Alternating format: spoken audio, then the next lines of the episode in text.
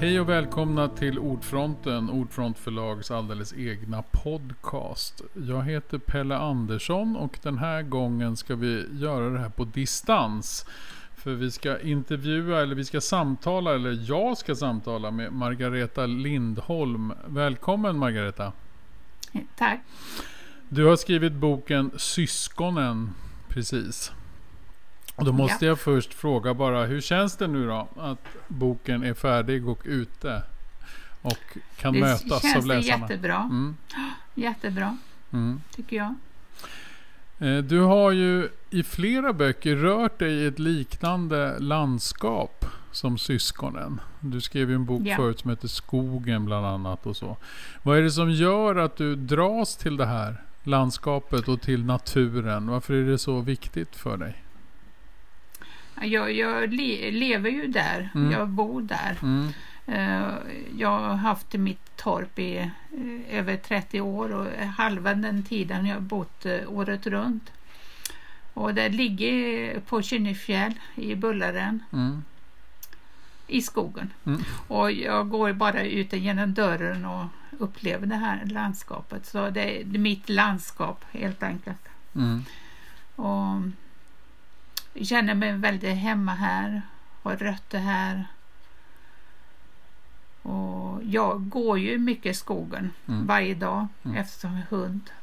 Mm. Så, och uh, går ofta ensam. Och då kommer det röster, händelser, förnimmelser mm. som inspirerar mig till att uh, skriva de här böckerna. Och när du går, hur mycket av det här är också så att du tänker ut den, tänker du ut mycket av storyn eller berättelsen innan du sätter dig och skriver? Eller är det som att du för något slags anteckningar hela tiden? Är det liksom, lever? Jag har alltid med mig mm. anteckningsbok ut. Eh, ja, numera använder jag ofta mobilen och antecknar på. Men eh, jag har ingen som helst plan utan eh, i början kommer det till mig någon, ofta en röst, en replik, mm. en mening, några ord och sen bygger jag liksom berättelser utanför, utifrån det som kommer. Mm. Och efterhand sen när person, det är nä, nästan alltid en person som kommer uh, först som jag um, upplever och går väldigt nära. Jag följer liksom Maria som hon heter, mm. huvudpersonen och berättarna i syskonen. Så jag följer med henne, jag går bredvid henne och ser vad hon ser och upplever vad hon upplever och antecknar det.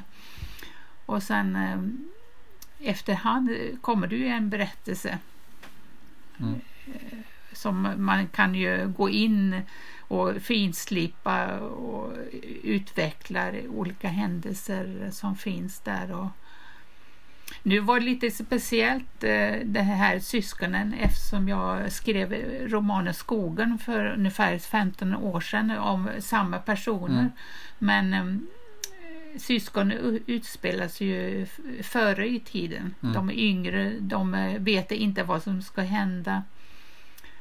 Uh, men jag hade ju skogen förhåller mig till, alltså romanen Skogen. Mm. Uh, jag visste så, vad som skulle hända och jag, jag måste ha berättelser det stämmer med den boken också, mm. liksom framtiden. Och framförallt eh, som stämmer med Maries röst. Mm, hennes, hennes person måste stämma.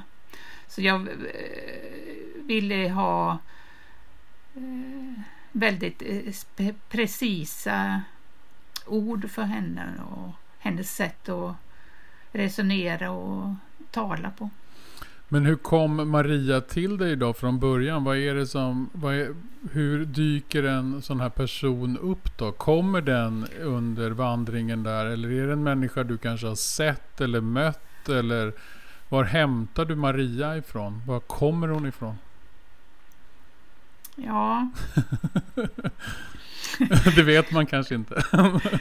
ja, eh, Jösse Maria är ju eh,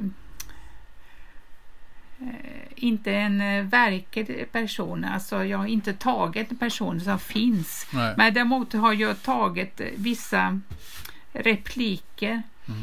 Och vissa sätt att resonera på och vissa händelseförlopp. Mm. Ehm, som jag vet att hon har upplevt. Mm. Och eh, jag tyckte mig eh, ibland se Maria eh, typ eh, i tätorter i närheten och sånt. Mm. Och det, det, det är också anledningen att jag började med sy syskonen och skrev den. För jag visste ungefär hur hon såg ut Mm. från skogen. Då. Ja, det låg kanske lite snurrigt här. Men, så det, det var ju, jag var i en affär en gång och så såg jag plötsligt henne och tänkte herregud, lever hon fortfarande? Och då kände jag, jag, eh, hon ville vara med mer. Jag måste skriva en bo- bok till om henne. Mm. Så började jag skriva helt enkelt. För det känns ju också som att Maria lever, alltså på ett sätt känns ju ändå Maria och hennes bror och så som, som att de är här nu. Samtidigt känns det ju också som att de lever i en helt annan tid. Fast det egentligen Ja. är väldigt här och nu. Vad är, Ja, har du en sån tanke också att det här är liksom människor som lever lite utanför tiden men som också in, Ja. ja, som, som du vill berätta om som inte på något sätt har en röst eller hur tänker du där? Ja. Mm. ja.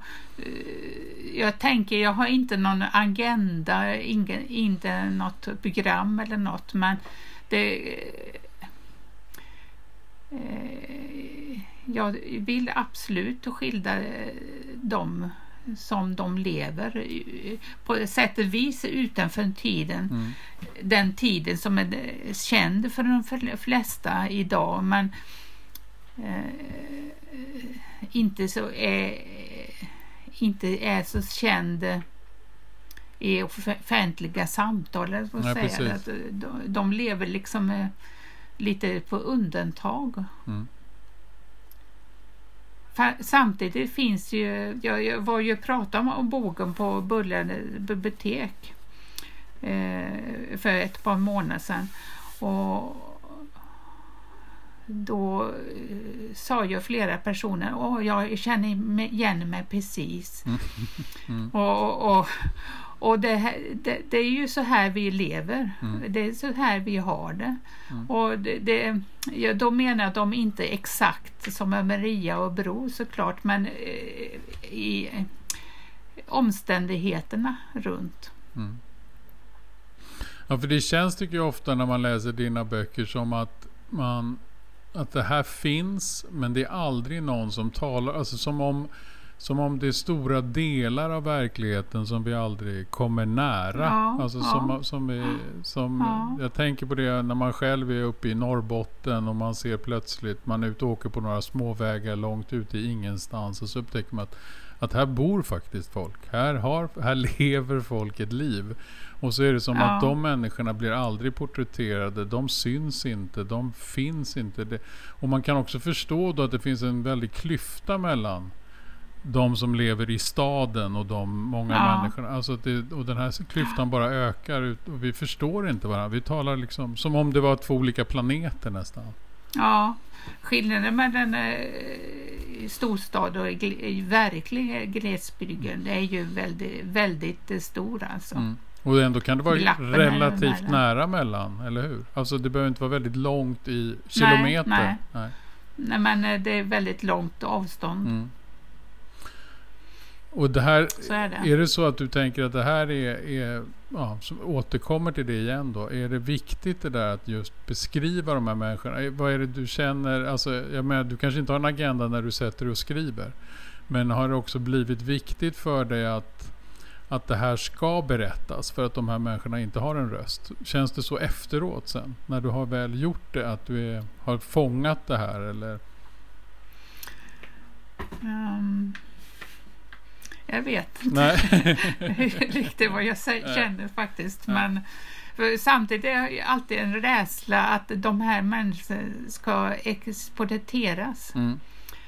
Eh, det var en recensent som skrev som jag gladde sig åt den recensionen faktiskt i GP, Madeleine Lindroth, Mm. Som sk- skrev att eh, de får behålla sina hemligheter. Mm. Och det är väldigt br- bra betyg Mm. tycker jag för mig personligen. För jag vill verkligen att inte människor ska exploateras. Nej. För det- inte så att när man åker med turistresan från staden och till åh, titta på de här, de Mm. lever ju utifrån tiden. Mm. Och men det gör de, de lever ju sin tid. Mm. De, de tänker, vi le- lever visst utanför tiden, så tänker de aldrig. Nej. De le- lever ju mitt i tiden, Mm. den tiden som de upplever.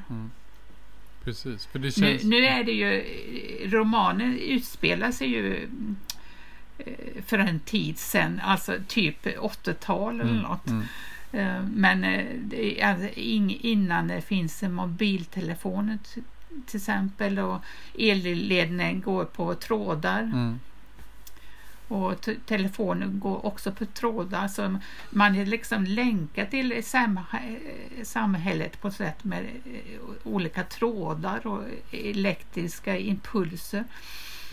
Och det är ganska spännande mm. på sättet. Nu håller det på att för- försvinna. Elledningen till- mitt torp till exempel är nedgrävt Mm. nu och förut var ju alltid massa strömavbrott och grejer men nu är det ganska sällan strömavbrott så jag får ganska sällan besök från, från de här personerna som ska laga Man träffar inte ens dem. Men de finns ju förvisso med i boken. Mm. Och jag också eh, hackspetten som satt på elstolpen och eh, slog upp näbb, näbben och spelade liksom en konsert som bara dånade inne i huset eh, via de här Ledningen. ledningar som fanns Mm. för dem. Känns det också som att det blir ett större avstånd då när ledningarna inte längre är lika påtagliga? Märker man? Känns Ja, det som det är att det blir... lite eh, paradoxalt för samtidigt har man ju mob- mobilen nu och Mm. släpar på, eh, tar med sig överallt Mm. och ska ladda hela tiden och sånt. Mm. Det är ju en, en ny bundenhet. Mm. Eh, Det var ju fria förr. Då kan man ju gå, bara lämna huset och gå ut i skogen. Då måste man eh, ha med eh, mobilen. Mm. Annars blir folk hysteriska. De råkar ringa och inte man svarar. Så. Precis. Så det har både blivit en större närhet och en större på något sätt avstånd Ja, på en gång. Ja, ja, Mm. Det är paradoxalt. Mm. Det är det.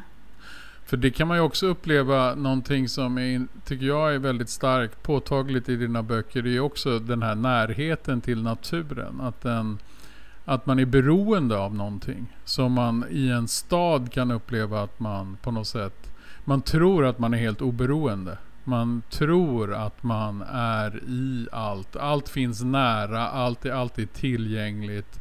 Och man tror då att man man lever i en stor trygghet. Sen så när man läser dina böcker kan jag uppleva att det är ju där allting finns. Allting som behövs för att staden ska fungera är ju runt de här människorna. Eller är Ja, de ja, här visst. människorna. Det är ju en eh, rik- rikedom i sig att ha en eh, egen brunn till exempel. Man alltid färskt vatten och bra vatten. Och man har ju ved och man kan elda även om det är strömavbrott. Då. Mm. Eh, ja. För det tycker jag också är en så fin inledning på boken där med, med det här med potatisen. Ja, ja. Man måste ju eh, odla då. Det Mm. krävs en viss förberedelse. Man odlar liksom eh, året innan på något sätt. Mm. Eller det tar ju ett tag att eh, få bra jord och Mm. sånt. Men eh, det, jag visste det, hon, eh, det börjar med att hon sitter och sorterar potatis. Och där är en potatissort med nämnd som en äldre man odlade några kilometer härifrån som var hans sort liksom. Mm. Och den brukar mina grannar som tyvärr inte finns längre eh, och också odla. Jag fick eh, den sorten av henne eh, några gånger. Ja, nu tappar jag Nej, bort men det mig där, och just, jo men där är det just Ja, det där. ju- ju- just det. Att hon sorterar potatis och bä- bär ner jordcellen. Ja. Det är ju en otrolig rikedom hon har där. Mm, Med syltburkar och lök och morötter och pot- potatis. Så man eh, kan ju överleva på bara potatis i värsta fall. Och, men samtidigt ställer så hon säger själv frågan då. Vem ska äta det här? Mm. Jag har ju massor med potatis. Jag är så ensam nu. mm, Vem ska äta? mm, Och, men det, det, den, det är ju den rikedom hon har. Hon bor ju på en gård, Mm. men det är ju en arrendegård som eh, de har brukat, eh, hennes föräldrar, nu, Mm. nu och hon då. Och hon äger ju inte något överhuvudtaget egentligen, bara sin, sin arbetskraft. Mm. Liksom. Sitt eget arbete kan eh, man säga att hon äger. mm. Och som det hon odlade och Mm. Och det där, det blir också då en viss både trygghet och tycker jag då närhet till allting. Och man förstår liksom vilken säkerhet det ändå finns i det här att kunna odla och ta hand om det, sin gård och vårda sin gård. Och, samtidigt som de också är ganska utsatta, eller hur? Och så Ja, kommer ju ja, bror, så kommer ju bror hem också. Och det Ja. blir också någonting och som hon måste ta boken hand om. skiljer, skri, skri, skildrar ett, eh, ungefär ett halvår i deras liv. Mm, Och det är ju också en slags reva tiden där. mm, Som, eh, där allt eh, stä- ställs på ände på något sätt. Eh, att han kom hem, han, hon, han är ju psykiskt skör, eh, sjuk eller vad ska jag säga, Mm. som han eh, tillbringar stora delar av sitt liv på ett sjukhus. mm, Och sjukhus ska stänga då och han för frågan vad ska, ville han och flytta med till den nya eller ska, ville han åka hem? Ja, han ville åka hem då. Och det är lite, lite oklart för Maria vad som väntar. Alltså. Hon är ganska orolig. Mm. Ska han kunna gå med mig till skogen? Hon jobbar ju i skogen då. mm, Och hur ska det funka med allting? Mm. Ja, för det där blir ju också då en oro som ligger över dem samtidigt som också sam Ja. mycket saker liksom. Det blir ju som att det blir en symbol för många stora förändringar. Någonting Ja, som händer som man är kanske utsatt för där på just i glesbygden kanske mer än andra. Ja. Och det öppnar också upp för en viss insyn. De var tvungna att eh, släppa in fo- folk från kommunen som kommer hem och granskar hur de har det. Mm. Eh, hur de sköter allting som de sköter. Och det är också en stor grej att eh, man lever så privat på Mm. ett sätt Mm. eh, i sitt hem och plötsligt kommer in andra människor som tycker saker och vill, vill bestämma saker. Och Mm. sånt. Och det där är också väldigt ovant. Alltså, men det är klart att det där har ju alla samma liksom, problematik. Va? Man, för så Ja, kan man ju uppleva Förr det senare, ja, om man överlever så har man ju det. Precis, någon gång måste man bli utsatt för det där. Mm. Och det är ju samma för oss alla på något sätt. Ja, Mm. Så även ja. om man lever det där livet så har man det här intrånget kommer någon gång. I- Ja, ja, Mm, mm. precis. Det, det går liksom inte att leva he- helt och hållet utanför sa- samhället. Det går ju inte i längden. Nej, och även om man då kan uppleva den här platsen som isolerad och eh, liksom frånvänd eller inte det, ja, som jag sa, lite utanför allt. Så är den ändå helt och hållet i allt. Det är det där som också blir så Ja, intressant spänning i, i romanen. ja, På något sätt. Man undrar ju hela tiden hur ska de klara sig? Hur ska det gå? Och så just Ja. den där eh, både tryggheten i att ha saker och samtidigt som man då inte äger. Hon, kan ju, hon bestämmer ju inte över något. Eller vad säga. Hon har inte makten över något mer än ja, hon har makten Mm. över sitt eget arbete. precis. Men inte vinsterna ö- av det, Nej. eller vad ska jag säga. Nej. Det har hon inte. Men hon kan bestämma att idag känner jag inte för att gå till skogen. Nej. Då gör hon inte det. Nej. Och idag måste jag gå till skogen. Okej, jag gör det då. Mm. Det beror ju också mycket på vädret och sånt. Ja, för det blir ju påtagligt att hela tiden att naturen och årtidsväxlingar och ja, om det ska regna eller om det ska vara sol eller om det är natt Ja. eller dag. Allt det här är viktigt för henne. Som, är, Ja. som för många andra kan kännas helt oviktigt. eller, som, som lever i en, Ja. i en stad. Då. Nu börjar min hund bädda en dyna här i bakgrunden. Det kanske blir li- lite rasslande läte men Det gör nog ingenting. Det är bara mysigt. Upplever du själv när du bor där ute att du har likheter med Maria på det sättet? Att det blir viktigt allt det här med, med naturen Ja. och, och årtidsväxlingarna? Det gör jag. Ja. det gör jag. Mm. Är det också ett sätt att... Är det viktigt också för dig då att skriva om det av det skälet? Att det också ligger nära dig själv? Har det här någon bäring i texten? Att du tänker att, ja, att du behandlar något som du själv bekymrar dig över eller så? Ja, jag antar det. Mm, mm. Jag antar det. Jag tänker inte riktigt så att eh, nu är det viktigt för mig att skriva Nej. det här. Det är bara eh, det. det, det som, jag skriver det som kommer Mm. till mig. Ja, För det Och- ja.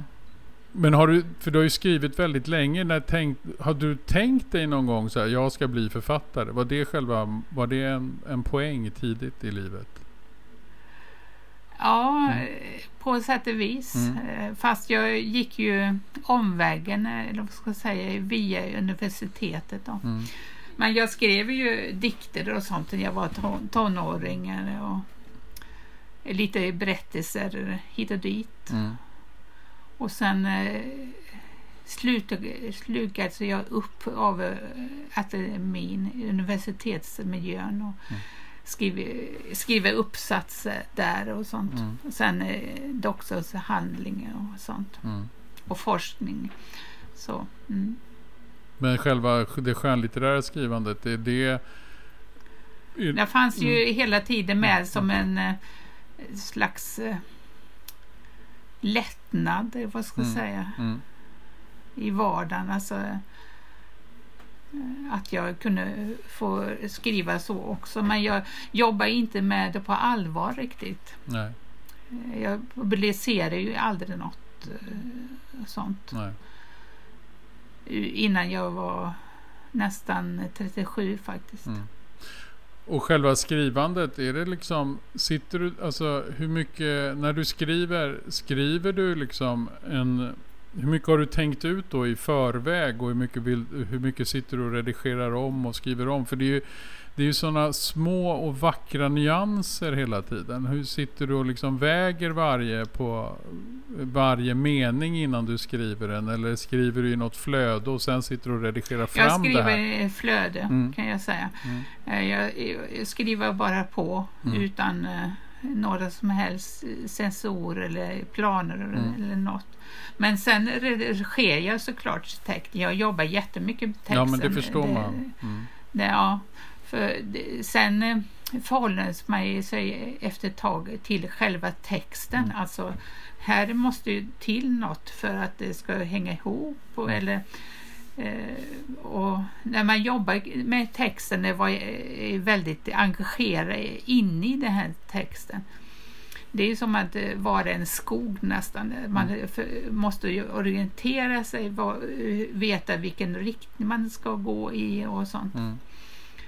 Och, och sen eh, städar man ju mer och mer, liksom. Mm. gallrar och, Mm. Och då kommer alltid något nytt fram. Mm. Smyger sig fram och in i texten, Mm. och, som djur nästan. Mm. Och, och sen eh, finns det alltid något eh, bråte någonstans Mm. där man inte riktigt kan eh, reda ut. Mm. Får, ibland får det vara så bara. Mm. Det är Lite ogenomträngligt och kanske obegripligt och hemlighetsfullt eller något. Men ja, jag kan inte hjälpa det.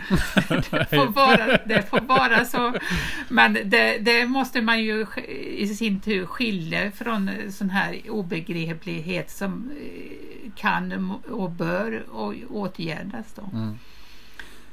Så ja, det, man går ju fram och tillbaka och vankar hit och dit och, i texten. Mm.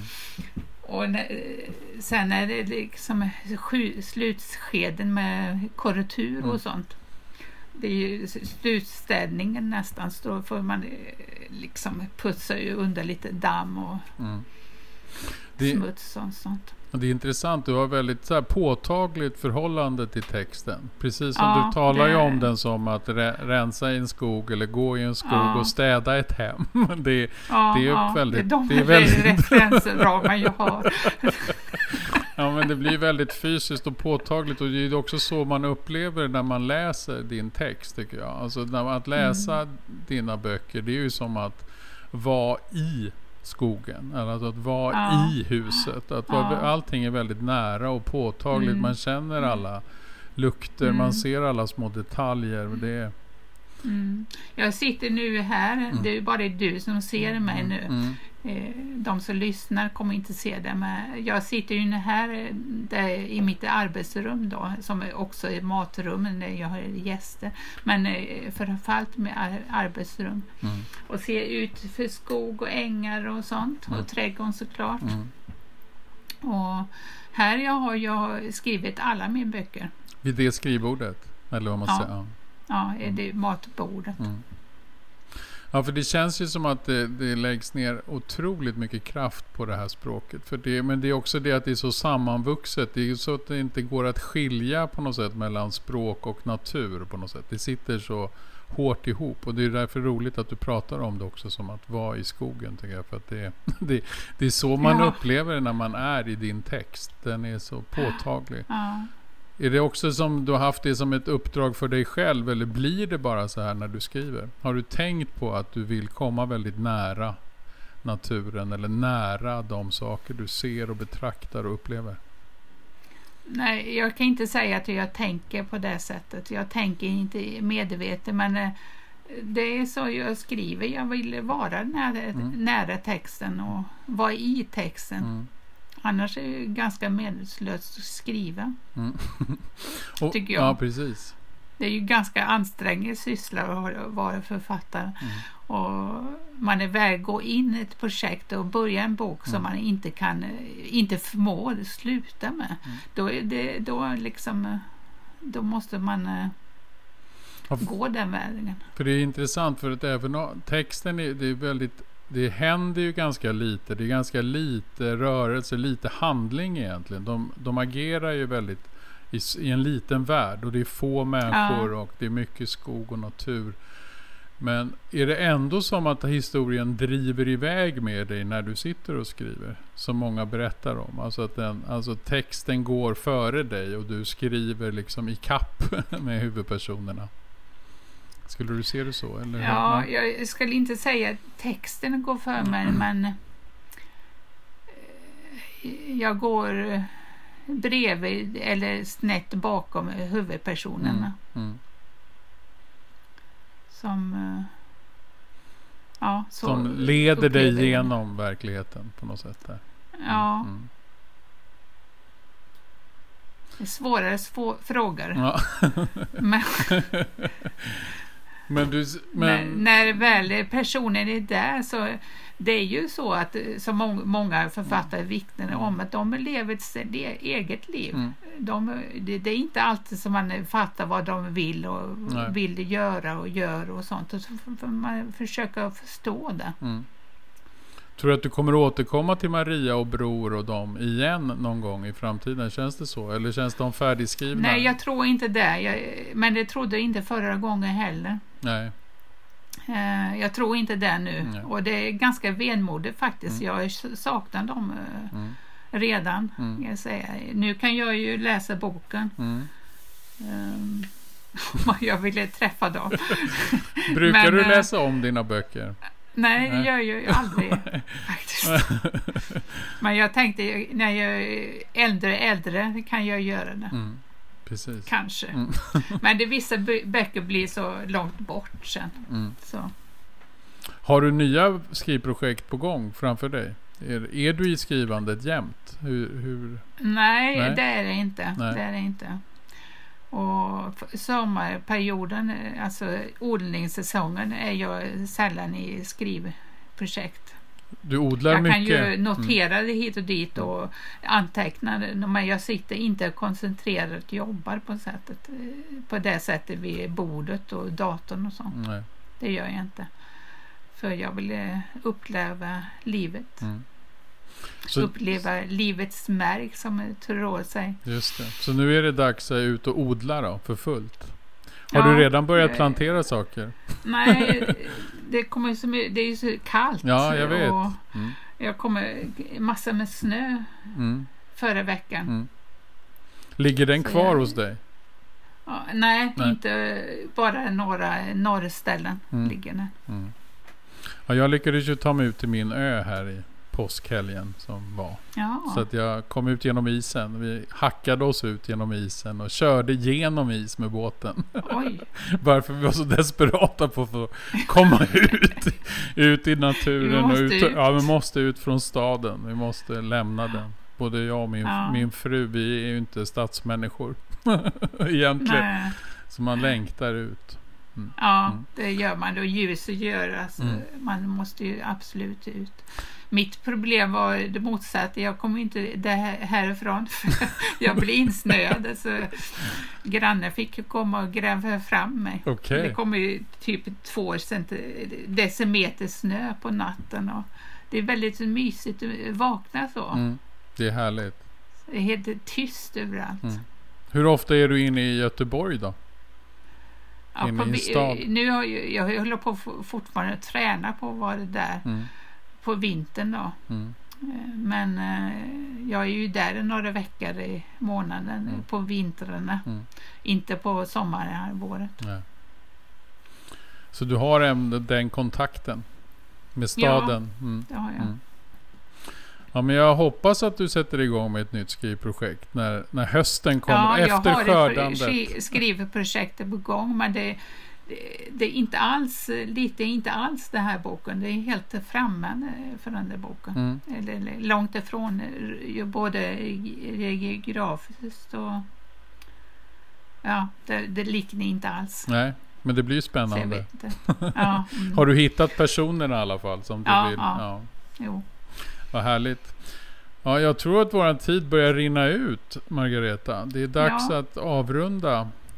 Men det var väldigt trevligt att träffas så här. Du och jag har ju Ja, inte haft så mycket verkligen. tid att prata med varandra. Men Nej. vi får, vi får väl flera Jättekul. tillfällen. Ja, Mm. Jätteroligt. Tack för att du ville göra den här uh, ordfronten med mig. Så får vi, Ja. åter, vi får Tack höras. för att du Ja. ville göra det med mig. ja, tack. Ha det så bra så hörs vi och vi tackar alla som har lyssnat också. Ha det fint. Ja, Ha det gott. ja. hej. hej.